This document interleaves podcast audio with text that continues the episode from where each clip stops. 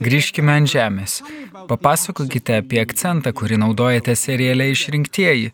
Iš kur jis atsirado ir kaip tam ruošėtės? Taigi mano tėvas kilęs iš Egipto. Ir aš turiu daug giminių artimuosiuose rytuose. Taip pat turiu tetą Palestinoje.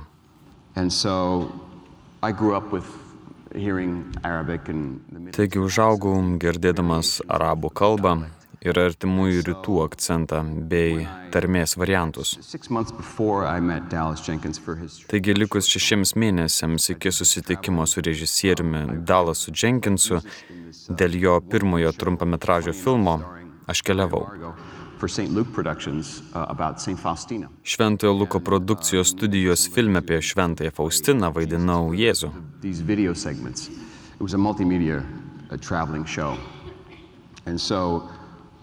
Tame filme taip pat vaidino Marija Vargo, tai buvo keliaujantis multimedijos šou. Kai mane pakvietė vaidinti Jėzų, pagalvojau, kad negaliu įsivaizduoti Jėzaus su amerikietišku akcentu, kad tai būtų tiesiog neįtikėtina. Britų akcentas skamba nuostabiai. Tai jau buvo daroma. Vis dėlto tikrai neatspindi to, ką mano manimu norėčiau matyti. Taigi nusprendžiau paimti savo tėvo akcentą ir tetos akcentą, nes mano tėvo akcentas labai lengvas, mano tetos akcentas šiek tiek stipresnis ir aš tiesiog sujungiau juos abu.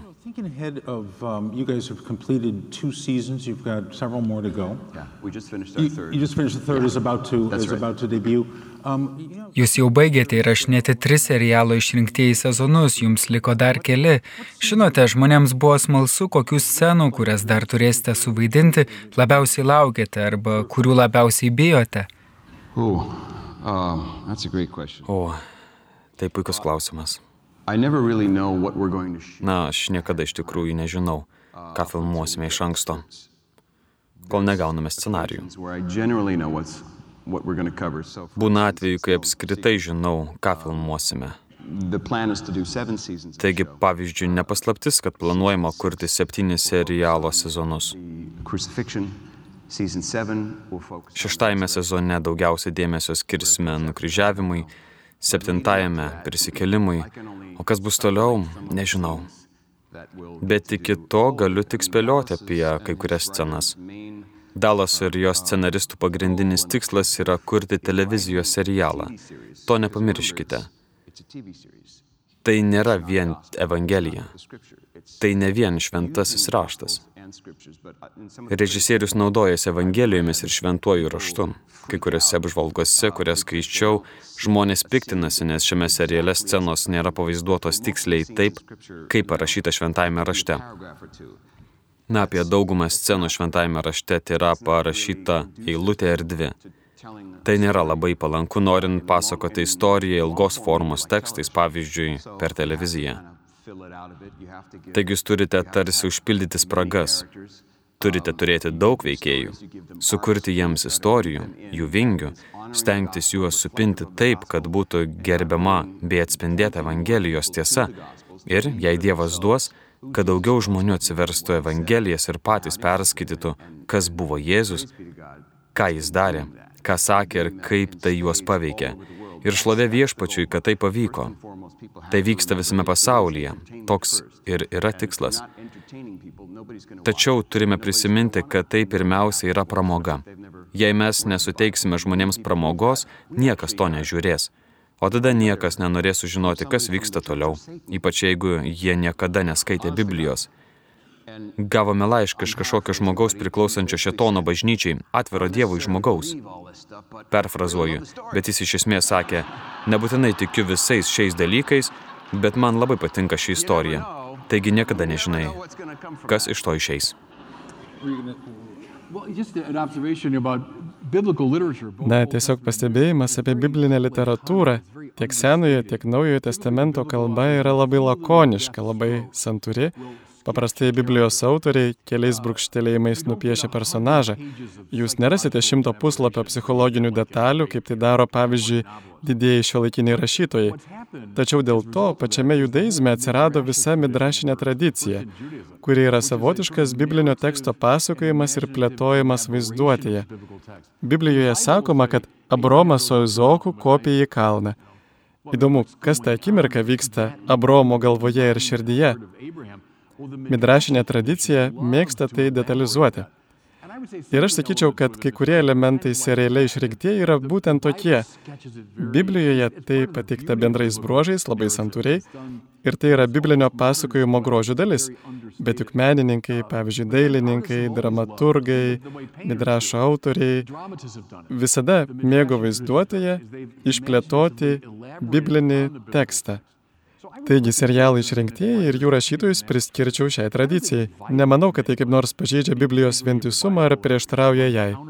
I think as Catholics we can just point to Ignatius. I mean, it's yeah. like the Ignatian yeah. tradition. Like, imagine what it would be like right. to be in this scene with Jesus and the disciples. And, and we do, and we write it on paper and then we go film it.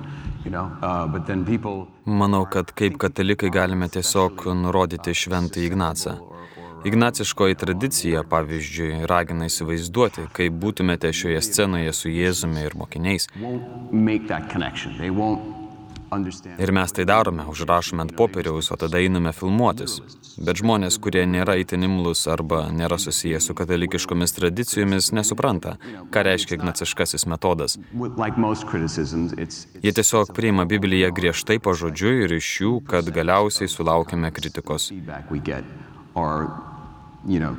Nepamirškite, kad taip nemano dauguma. Apie 2 procentai komentarų ir atsiliepimų, kuriuos mes gauname, yra tie pikti, nepritarantis, kurie mano, kad mes perrašome Evangeliją ir dėl to eisime į pragarą. Manau, vienas geriausių pavyzdžių būtų, kaip yra vaizduojamas matas Tiesa, visiems tas personažas atrodo intriguojantis, nes Biblija vėlgi tik keliais trumpais brūkštelėjimais papasakos apie Matą arba Levi, bet serialėje jis perteiktas labai vaistingai, kad pamatytume jį kaip žmogų, tarsi priklausantį autizmo spektrui, turinti tam tikrų obsesinių kompulsinių savybių, bet tai padaro jo personažą labai gyvą. Kai žiūrime išrinktuosius, visada nekantrauju pamatyti, ką Matas daro ir ką jis ketina padaryti. Manau, kad tai yra būtent psichologinis ir dvasinis išplėtojimas, kuris suteikia jo personažui daug jėgos. Manau, kad yra daug žmonių turinčių autizmo spektro sutrikimą, kurie jaučiasi susiję su matu. Taigi jie mato save ir manau, kad paklaustas pats Andalas, aktorius vaidinęs matą, kalbėjo apie tai, jog ir jis pats tam tikrą prasme turi panašų sutrikimą. Galėtume klausti, ko reikia, kad jaunas vyras patogiai dirbtų okupacijos labui prieš savo tautą. Ir kokia asmenybė galėtų būti tokia atidi detalėms, kad jos nesutrukdytų joks spaudimas iš savo kultūros dėl to, kad dirba romėnų okupacijai. Reikėtų tam tikros asmenybės, kuri galėtų gerai jaustis tokioje situacijoje. Tai man primena sceną, iš kurios garsiai jokiausi. Su kvintų romėnų vyruku plika galva. Įsivaizduokite, jis kalbasi su jumis arba kalbasi su Jėzumi ir duoda jums kažkokį įsakymą, o jūs sakote jam, na, aš su tuo sutikčiau, bet nežinau, kaip reaguos mano tėvas. Ir kvintas, manau, su pasimėgavimu sako, nežinau, ką tai reiškia, bet pabaigsime pakilę natą. Ir tai labai šiolaikiškas dialogas, tačiau jis privertė mane garsiai nusijuokti ir pasakyti, na, o kaip būtų buvę, jei romėnų autoritetas simtų interviu iš viešpaties Jėzaus Kristus.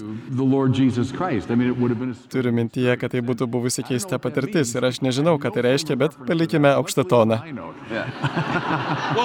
you know, let's, let's, you brought up the apostles and, and, you know, it's important to remember, you're not on the screen all the time. You know, Na, žinote, jūs užsiminėte apie paštalus ir svarbu prisiminti, kad jūs ne visą laiką esate ekrane. Yra paštalai, kiti Jėzaus sekėjai, kurie turi labai daug laiko ekrane, o jie labai žmogiški, labai tikinti žmonės. Jie yra labai svarbus veikėjai, liudytojai, prieštarautojai, pasiuntiniai ir iš tikrųjų mūsų visų atstovai. Įdomu, ar kuris nors iš jūsų galėtų šiek tiek papasakoti apie šių veikėjų svarbą ir tai, ką jie reiškia ir ką duoda Jėzaus istorijai. Prisimenu, kad pirmajame epizode tu nepasirodai iki pat pabaigos. Ir prisimenu, kaip visiems pasakoju apie vaikiną, kuris vaidina Jėzų ir tada sakau, o kuris yra? Taigi pirmasis trumpametražis filmas, kurį sukūriau, trumpai bendradarbiaudamas su Dalasu, buvo 25 minučių filmas serialo Išrinktieji stiliumi apie dviejų plėšikų nukryžiuotų šalia Jėzaus kilmę. Ir gavau vaidmenį. Pirmą kartą bandžiau gauti vieną iš plėšikų rolę, jis turėjo nuostabų personažą. Nepavyko. Ir tada mane pakvietė antrą kartą, kai pergyvenau, kad negavau vaidmens pirmą kartą. Ir jie pasakė, mes norime, kad tu vaidintum Jėzų. Gerai, tuo metu jau kartą buvau vaidinęs Jėzų. Sakiau, kad man patinka Jėzus, duokit peržiūrėti scenarijų, o jis turi tik penkias eilutes. Taigi po ketverių metų Dalasas sako, Tu nori tai padaryti? Aš sakau, žinoma. Jis atsiunčia man pirmąjį epizodą, aš sakau, klausyk, Jėzus turi tris eilutes teksto. Jis sako, nesijaudink. O tuomet antras epizodas, jis turi keturias eilutes. Kas yra? Ar jis čia vaidina? Jis sako, palauk trečio epizodo. O tada Jėzus ir vaikai, atsiprašau, tai buvo gana ironiška. Bet aš maniau, kad tai buvo gerai. Galvoju apie šventąjį Paulių, kuris apibūdindamas Jėzų sakė, Dievas Kristuje sutaikino pasaulį su savimi. Taigi Dievas yra su mumis, Dievas sutaikinantis mūsų su savimi. Ir taip mes esame įtraukti. Ir kaip teisingai sakote, manau, kad tie skaičiai ženklina mus. Kaip mes interpretuojame Jėzų, kaip mes jį priimame, ką jis mums reiškia ir mūsų praeities istorijos yra svarbios. Taigi, kai žmonės pagaliau sutinka viešpati Jėzų, jie ateina su savo labai turtinga, sudėtinga, kovinga istorija. Taigi, manau, kad tai buvo gerai, kad jie tai parengė. Tai šiek tiek panašu į Tolkino žiedų valdovą, prasidedantį šimtų puslapių Bilbo Baginso gimtadienio šventę, pamenate? Ir galvoju, žmonės sako, kad čia yra to įsvaiginanti nuotikių istorija, bet kadagi jį prasidės? Tačiau Tolkienas tuo metu įžangoje aprašymais kūrė pasaulį, kuriame norėjo, kad jūs mintise apsigyventumėte. Taigi panašiai čia, manau, buvo fono nustatymas. O taip mes norime pamatyti, kaip šie žmonės gyvena.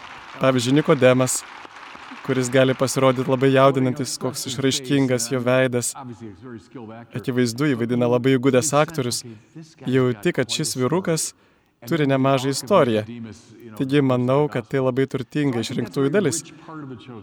Ji ne tik hiperaktyviai pabrėžia, kad dėmesio centre visada yra Jėzus, bet ar prisimeni sceną, kai sakau savo pasmerkimui, tą nuostabią sceną, vėlgi tu vaidini tik pačioje pabaigoje. I sense a theme here. I sense a theme here. Ar pameni tą sceną, kur tavęs nėra? Mokiniai kovoja visame epizode. Prisiminkite, kad jie ginčijasi ir ginčijasi, kas svarbiausias, ką daryti. Ir tada pačioje pabaigoje Jėzus visą epizodą praleidęs gydydamas šimtus žmonių, išsekęs, ateina sviruodamas per sceną, nueina į savo palapinę, o jo motina rūpinasi juo tiesa. Bet tu, manau, beveik nepratari žodžio. Prisimenu, kai žiūrėjau, sakau, štai ir aš, aš esu apaštalų įpėdinis ir pagalvojau, čia apie mus. Po 2000 metų mes vis dar praleidžiame daug laiko kovodami ir ginčydamėsi vieni su kitais.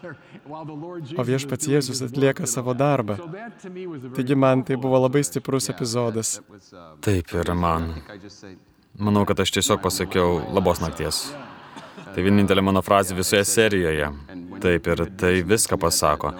O kai tu man tai paminėjai, kad tokia yra bažnyčios būklė, taip manau, kad taip ir yra. Žinote, vyskupė, išklausę vieną iš jūsų pamokslų arba kalbų, žmonės visada lieka su visomis tomis nesuskaičiuojamomis nuorodomis į knygas, eilėraščius, filmus ir meną. Ir galiu lašintis, kad jūs, kaip ir aš, daugelis iš jūsų, jūsų išklausę eina į Amazon ar į biblioteką. Taip atsitiko ir man vakar vakare, tiesiog bandžiau viską pasivyti. Taigi dabar mes sudarysime sąrašą, leisime jums laisvą formą įreikiuoti, kokie kiti Kristaus atvaizdavimai ekrane jūs palėtė per daugelį metų. Prisimenu, kad mes užaugome žiūrėdami Karalių karalių su Jeffrey Hunteriu. Manėme, kad jis buvo puikus, mums buvo šešeri Įdomu, ar šiuo metu tai patenka į tavo geriausiųjų nors 25-tuką, bet kokie tavo mėgstamiausi, tau įdomiausi Jėzaus portretai kine? Man vis dar patinka Zefirelio 70-ųjų filmas Jėzus iš Nazareto. Jis buvo mano mėgstamiausias. Dabar žinote, turite Robertą Pavelą, kuris yra toks hiperbritiškas virukas. Jie visada liepdavo Britams vaidinti biblinius personažus arba nacius. Jie visada vaidina su britišku akcentu. Bet aš manau, kad tai labai gerai sukurtas ir puikiai atliktas vaidmuo ir vėlgi anglų pasaulio gratinėlį. Jame vaidino Olivier, Ralphas Richardsonas, Ernestas Borgeinas. Manau, kad buvo labai geras ir Jameso Farentino vaidmuo. Prisimena tuos to laikmečio veikėjus, bet manau, kad tai buvo labai gerai sukurta. Pavelas man pasirodė per daug panašus į nežemišką Jėzų. Tikrai negalvočiau, kad nori atsisėsti ir išgerti su šiuo viruku.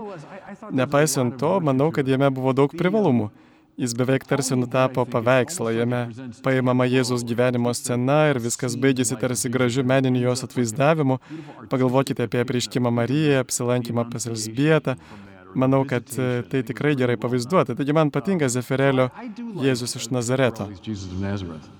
Tai man padarė didžiulę įtaką, kad vaikystėje tai pamačiau tokia stipri, kad būdamas 11 metų pamatęs nukryžiavimo sceną, kaip ir dauguma 11 metų vaikų, išėjau į savo kiemą.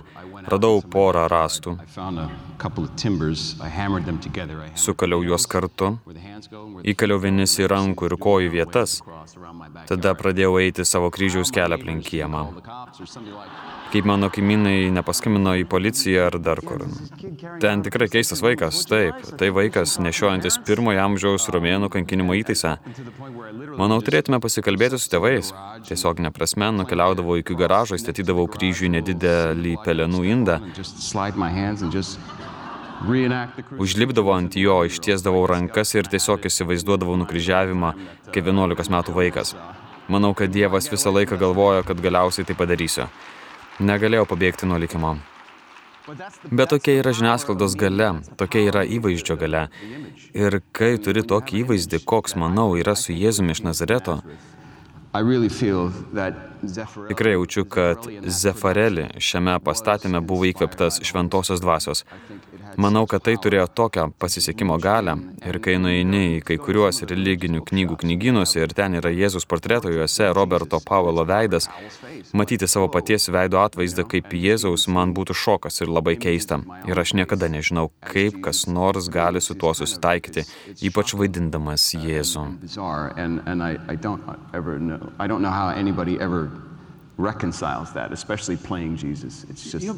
Kitas dalykas, apie kurį galvoju, yra ne tik filmai apie patį Jėzų, yra daugybė filmų turinčių Kristaus įvaizdžius. Pavyzdžiui, Pabėgimas iš Šaušenko yra vienas didžiausių šio laikinių kino filmų apie Kristaus figūrą. Pradėkite bandyti išnarplioti tą istoriją ir tai juk Evangelijos istorija tiesa apie nekaltą žmogų, kuris patenka į baisę situaciją, kalėjimą, kuris atveria visiškai naują matymo ir įsivaizdavimo būdą. Žmogus išgyvena mirties, prisikėlimo patirtį, o filmo pabaiga visą tai šviesi spalva. Ir tada, žinote, Redas veikėjas filme ateina jo pasitikti ant jūros kranto. Taigi turi mintyje, kad jis yra Kristaus figūra visame filme. Kristaus įvaizdis vis dar persiekia mūsų menininkus. Žinai, visą gyvenimą žiūrėjau skrydis virš gegutės lizdo. Tai giliai Kristaus paveikslą priminantis filmas. Taigi man patinka, kaip Jėzaus atvaizdas vis dar persiekia, įkvepia mūsų menininkus, ypač kino kuriejus. Ar kas nors iš jūsų stebisi išrinktųjų sėkme, ar mus turėtų stebinti? Taip, mane nustebino. Ne, aš jūs Why you little, why you little, like... Žinote, manau, kad tai kažkas tokio, ko kaip aktorius visada tikėsi, kad įvyks, bet niekada nesi garantuotas ir ypač dėl to, kaip ilgai šis projektas trunka. Turiu omenyje, kad tai prasidėjo prieš ketverius metus, o antrąjį sezoną išleidome tik pernai. Taigi mums teko daug ką išgyventi, patirti daug augimo skausmų patirti daug iššūkių, nes tai buvo savarankiškai finansuojamas projektas, televizijos serialas.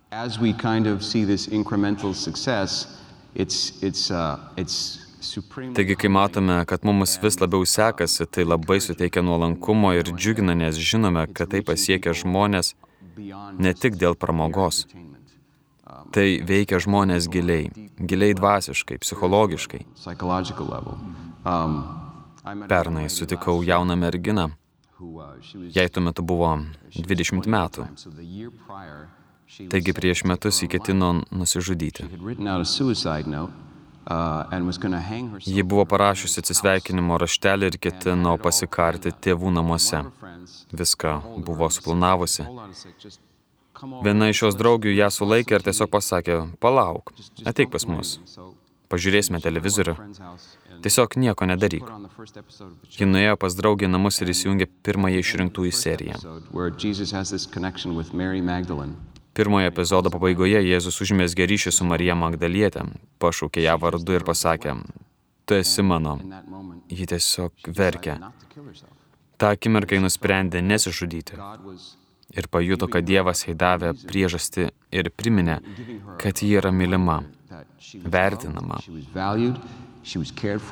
ją rūpinamasi, kad jos gyvenimas kažką reiškia, todėl ji nenusižudė. Po metų mes apie tai kalbėjomės, visi verkime, o šią vasarą sužinojau, kad dabar ji pati dirba su nepasiturinčiomis jaunomis moterimis, bandydama įkvėpti jas sekti Kristumi.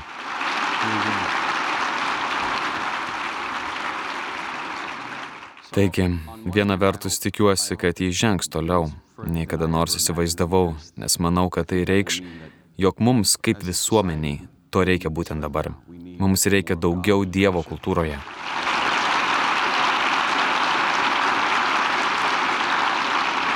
Mums reikia, kad žmonės žinotų, jog jie yra mylimi, kad ir kokie skirtingi mes visi esame, kad Dievas vis tiek juos myli. Visi esame Dievo vaikai ir kiekvienas turi vietą Dievo šeimoje. Ir kaip mes galime pasiekti tuos, kurie kenčia, kurie neturi vilties, kuriems skauda. Jei televizijos laida gali padėti padrasinti žmonės ir padėti jiems pasijusti arčiau Jėzaus ir labiau mylimiems Dievo, tuomet tai yra mano tarnystė. You know, that's, that's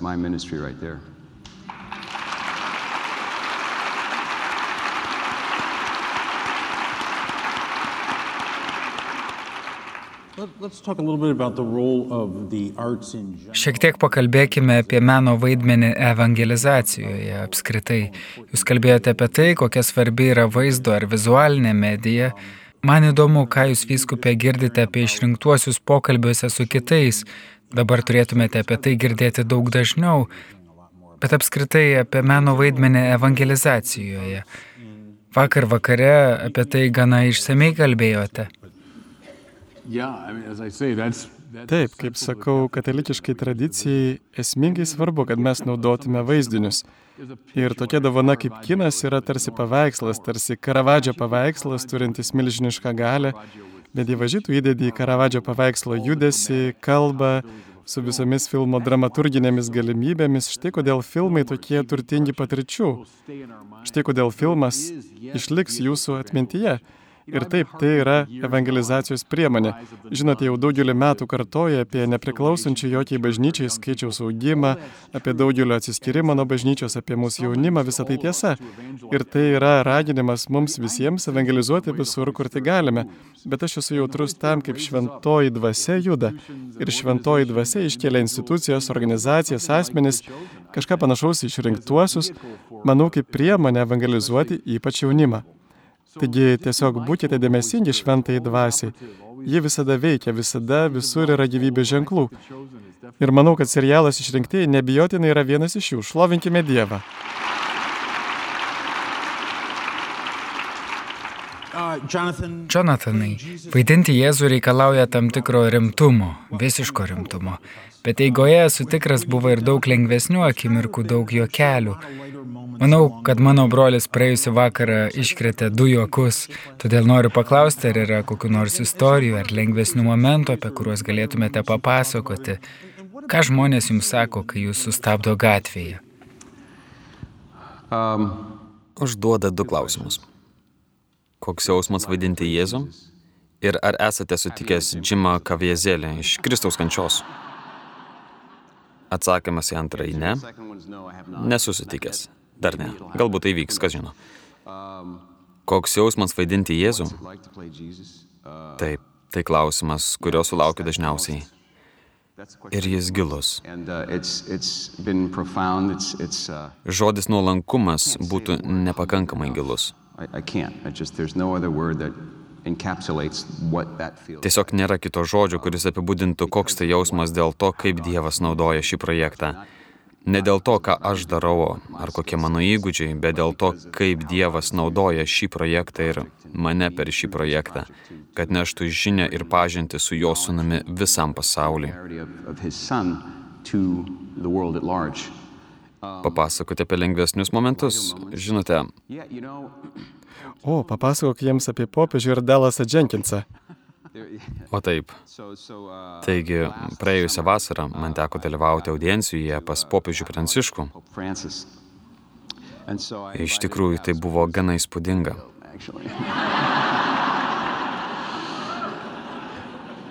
Taigi pakviečiau Dalasą Jenkinsą dalyvauti šioje akimirkoje, nes manau, kad jei neišrinktieji niekada nebūčiau gavęs tokios galimybės. Taigi jaučiau, kad mano pareiga jį pakviesti. Ir taip mes ten patekome. Buvome pirmoje auditorijos eilėje, tarsi trečiadienio ryto audiencijoje. Ir štai popiežius prieina prie manęs ir paspaudžia ranką. O aš buvau paruošęs mažą dalykėlį ispanų kalba, kurį jam pasakiau. Padovanojau jam mažą paveikslėlį, kurį buvau nupiešęs kaip buvęs iliustratorius. Ir jis buvo labai maloningas.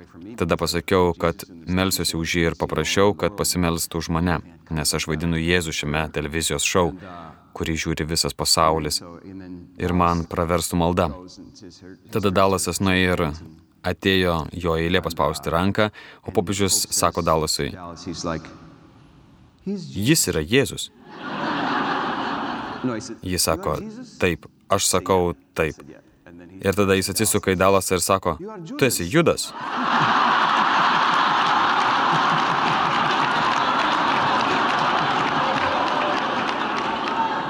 Ir Dalasas sako, ne, ne, ne, ne, ne, ne, ne. No, no.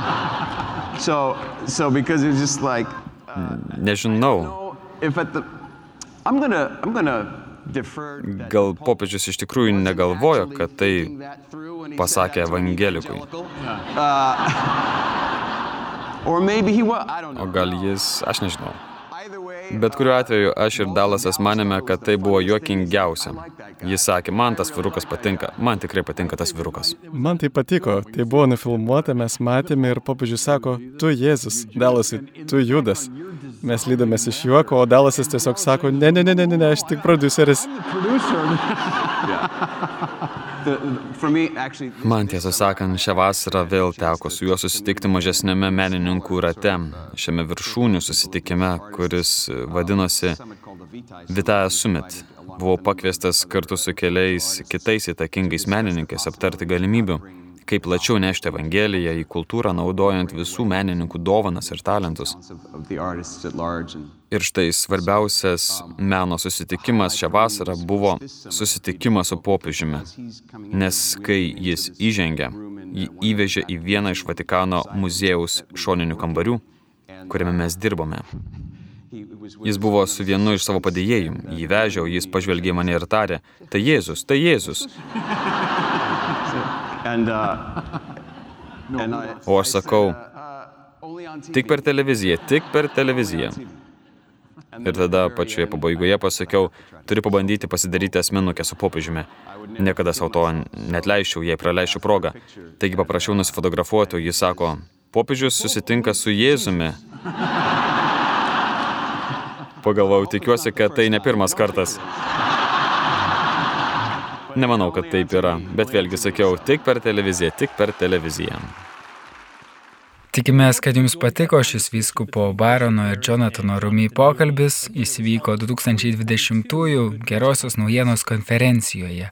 Likite sveiki, sudė.